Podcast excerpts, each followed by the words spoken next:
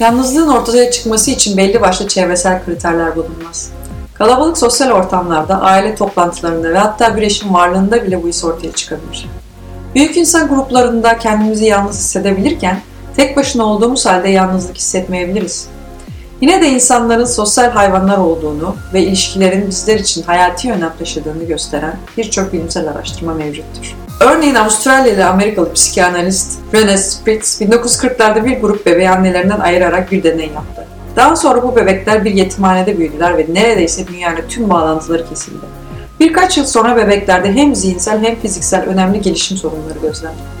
Bu nedenle sağlıklı yetişkinler haline gelebilmek için insan yakınlığına ihtiyaç duyduğumuz bitimlendirici yıllarımızda sosyal yoksunluk oldukça yıkıcı olabilir. Bununla birlikte yetişkinliğimizde insanların inzivaya çekildiklerinde nasıl farklı deneyimler yaşadıklarını görebiliriz.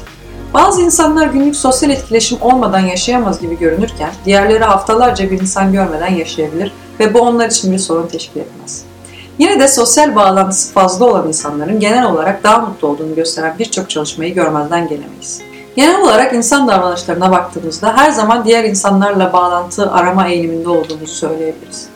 Bu nedenle öyle ya da böyle sosyal etkileşim arzusu yaşamın tüm aşamalarında insan doğasına yerleşmiş gibi görünüyor.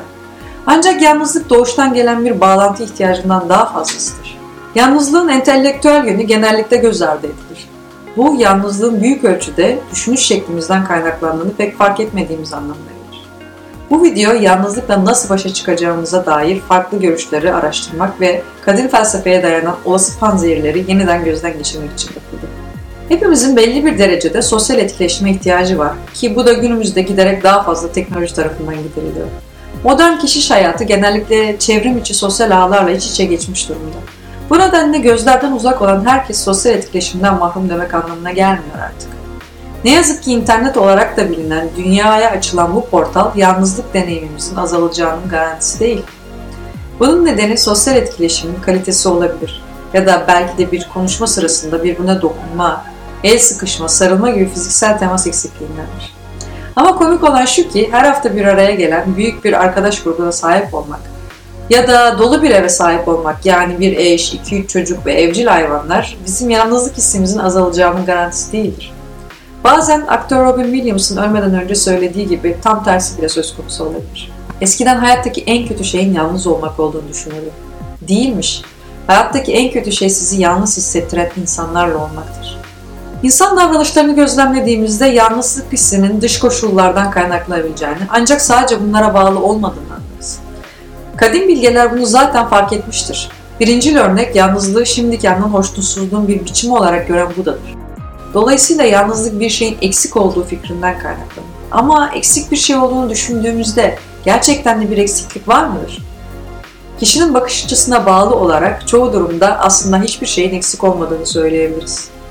Bununla birlikte yalnızlığın entelektüel yanı hayatın nasıl olması gerektiğine dair fikirlerle dolu olmamızdır. Sosyal normlara uygun tam ve normal bir insan olmak için belirli miktarda arkadaşa ve sosyal etkileşim sıklığına ihtiyacımız olduğuna inanıyoruz. Filmler, diziler ve sosyal medya aracılığıyla sosyal yaşamlarımızın nasıl olması gerektiğine dair ideal bir imaj yarattık. Bu eğlenceli ve ilginç dostluklar, canlı renkler, şık kıyafetler ve mekanlar, ya da yüzleri hep gülen mükemmel evlilikler sürdüren çiftlerin buluşmalarını görüyoruz. Bu çarpıtılmış gerçeklik algısına defalarca maruz kaldıktan sonra kendi varlığımıza bakıp hayatlarımızın ciddi şekilde eksik olduğu sonucuna varıyoruz. Biz kendi gerçekliğimizde herkesin aksine bu harika arkadaşlıklara veya mükemmel birlikteliklere sahip olmadığımızdan yalnız hissediyoruz. Belirli bir ideale uymadığımız için yalnızlık hissederken kendi gerçek sosyal ihtiyaçlarımızın tamamen alışılmadık olma olasılığını hiç düşünmüyoruz. Ancak Budist bakış açısına göre yalnızlığın acısı bağımlı olmaktan gelir. Geçmiş deneyimlerimize, gelecek umutlarımıza ve bugünün nasıl olması gerektiğine dair inançlarımıza bağımlı olabiliriz. Bir cumartesi gecesi evde tek başıma oturmamalıyım diye düşünebiliriz. Bu iddia tabii ki ancak biz doğru olduğunu inandığımızda doğrudur. Bu nedenle doğru olduğuna inandığımızda ona bağlı olarak bir eksiklik hissi yaratır. Ve şu andaki memnuniyetsizliğimizi uyandıran da bu eksiklik hissidir. Aynı koşullar altında ama farklı bir zihin durumundayken gayet mutlu olabiliriz aslında. Geçmiş, şimdiki zaman ve geleceğe dair hiçbir şeye bağımlı olmayan kişiye, hiçbir şeye tutunmayan ve sarılmayana kutsal insan derim. Budist bakış açısına göre mutluluk sahip olduğumuz ilişkilerle tanımlanmayan bir zihin durumudur. Bu nedenle yaşamla ilgili derinlemesine kökleşmiş bazı inançlarımızı değiştirmek isteyebiliriz. Örneğin yalnız olmak eğlenemeyeceğimiz anlamına gelmez. Veya fazla arkadaşa sahip olmamak eksik olduğumuz veya kendimizden zevk alamayacağımız anlamına gelmez. Mutluluk şimdiki zaman için aldığımız konumla tanımlanır. Bu olanı kabul ederek yalnızlığın sona ermesi hissedebileceğimiz ve hatta yalnızlığımızın tadını çıkarmaya başlayabileceğimiz anlamına gelir. Düşüncelerimiz ve duygularımızın değişken, ebedi şimdinin ise değişken olmadığını bilerek yalnızlığa karşı farklı bir tavır için yol açabiliriz. Stoacılar tek başına olmak ile yalnızlık arasında ayrım yaparlar. Yalnızlık biraz farklı olsa da kimsesizlik dediğimiz şeyle karıştırılabilir. Zira yalnızlık kaybolma veya terk edilme duygusudur. Yalnızlık hissettiğimizde yaşamla çevrili olsak bile yine de her şeyden ayrıymışız duygusuna kapılabiliriz. Epiktetos tek başına olmanın insanı yalnız yapmak için yeterli olmadığını sanır. Tek başına zaman geçirmenin de yaşamın bir parçası olduğunu ve bu deneyime kapımızı kapatmamamız gerektiğini belirtir. Ama yine de kişinin kendini buna hazırlaması, yani kendi kendine yeterli olabilmesi, kendisiyle iletişim kurabilmesi gerekir. Kendimizle barışık ve kendimize uygun fikirlerle meşgul olup başkalarına muhtaç olmadan zamanımızı geçirebilmeliyiz. Koşullarımızın kontrolü bizim elimizde değil. Bu da başkalarının bize sunduğu eğlenceye güvenemeyeceğimiz anlamına gelir. Dış faktörler değişkendir. Sosyal bağlar da öyle. Bir gün bize yoldaşlık neşesi sağlayan arkadaşlarla çevrili oluruz, başka bir gün ise kendi başımıza. Ve kendi kendimizin dostluğundan nasıl keyif alabileceğimizi bilmediğimizde yalnızlık hissiyatıyla karşı karşıya kalacağımız kesindir. Bunun yerine kendimizle bir bağ kurmayı, kendimizi takdir etmeyi ve kendi varlığımızın tadını çıkarmayı öğrensek hiç fena olmaz. Jean-Paul Sartre'ın dediği gibi, tek başınayken yalnızsan kötü bir arkadaşsındır. Kendi başınıza mutlu olduğumuzda başkalarının bize eşlik etmesine ihtiyacımız olmaz. Böylece dış koşullardan daha bağımsız bir hale geliriz. Bu durumda sosyalleşme gerekli olmaktan çok isteğe bağlı bir hale gelir. Şimdi bu bilgilerden hangi olası panzehiri çıkarabileceğimize bir bakalım. Bu da yalnızlığı şu andaki hoşnutsuzluğun bir biçimi olarak gördük. Çünkü aklımıza yatmayan bir şeyler oluyor ya da yatan şeyler olmuyor. Hayatın nasıl olması gerektiğine dair inançlarımıza tutunuruz ve inançlarımız gerçeklikle uyuşmadığında acı çekeriz. Bunun üstesinden gelmenin Budist yolu, içinde bulunduğumuz durum hakkında düşünme şeklimizi değiştirmektir. Yalnız olmanın ne iyi ne de kötü olduğu, sadece var olan durum olduğunu görmek.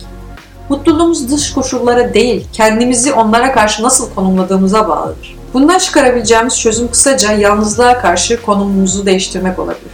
Stoacı filozof Epiktetos, insanların yalnız olmakla ilgili zorluklar yaşadıklarını ve birçoğunun tek başına olduğu bir yaşam tarzını hayal bile edemediğini gözlemledi. Ancak çoğumuz için hayatımızın herhangi bir noktasında yalnız bir zaman dilimi geçirmemiz kaçınılmazdır. Bu nedenle Epiktetos'a göre kendimizle olumlu bir ilişki geliştirmeyi öğrenmeliyiz ki bu dönemleri kolaylıkla atlatabilelim. Dahası tek başına olma ve kendi işlerimizi yönetme yeteneği bizi diğer insanlardan daha bağımsız kılar. Bu yüzden onların ilgisine, kabulüne veya onayına daha az ihtiyaç duyan hale geliriz. Bu videoyu bitirirken Epiktetos'un bu konuyla ilgili başka bir tavsiyesine de kısaca göz atalım. Arzularımızın ölçülü olması ve sadece kısmetimizin bizim için sakladığını dilemek. Huzursuz bir şekilde evde tek başımıza oturup yoksulluk hissiyatı içinde acı çektiğimizde bu boşluğu dolduracaklarını umarak insanlara ulaşmayı seçmek yerine Böyle bir durumda sosyal etkileşime açık olmanın yanı sıra tek başınalığımızdan hoşnutluk duyabiliriz. Bu şekilde arzularımızın hayatın doğal seyrine göre ayarlamış oluruz. Hayatta bir akşam yemeğindeymişiz gibi davranman gerektiğini unutma. Sana herhangi bir şey geldi mi elini uzat ve payına düşeni ölçülü bir şekilde al. Yanından geçip gidiyor mu? Durdurma. Henüz sana gelmedi mi? Arzunu ona doğru esnetme. Sana ulaşana kadar bekle. Bunu çocuklar, bir eş, kamu görevleri ve zenginlikler bakımından yap ve sonunda tanrıların ziyafet sofrasında değerli bir ortak olursun. İzlediğiniz için teşekkürler.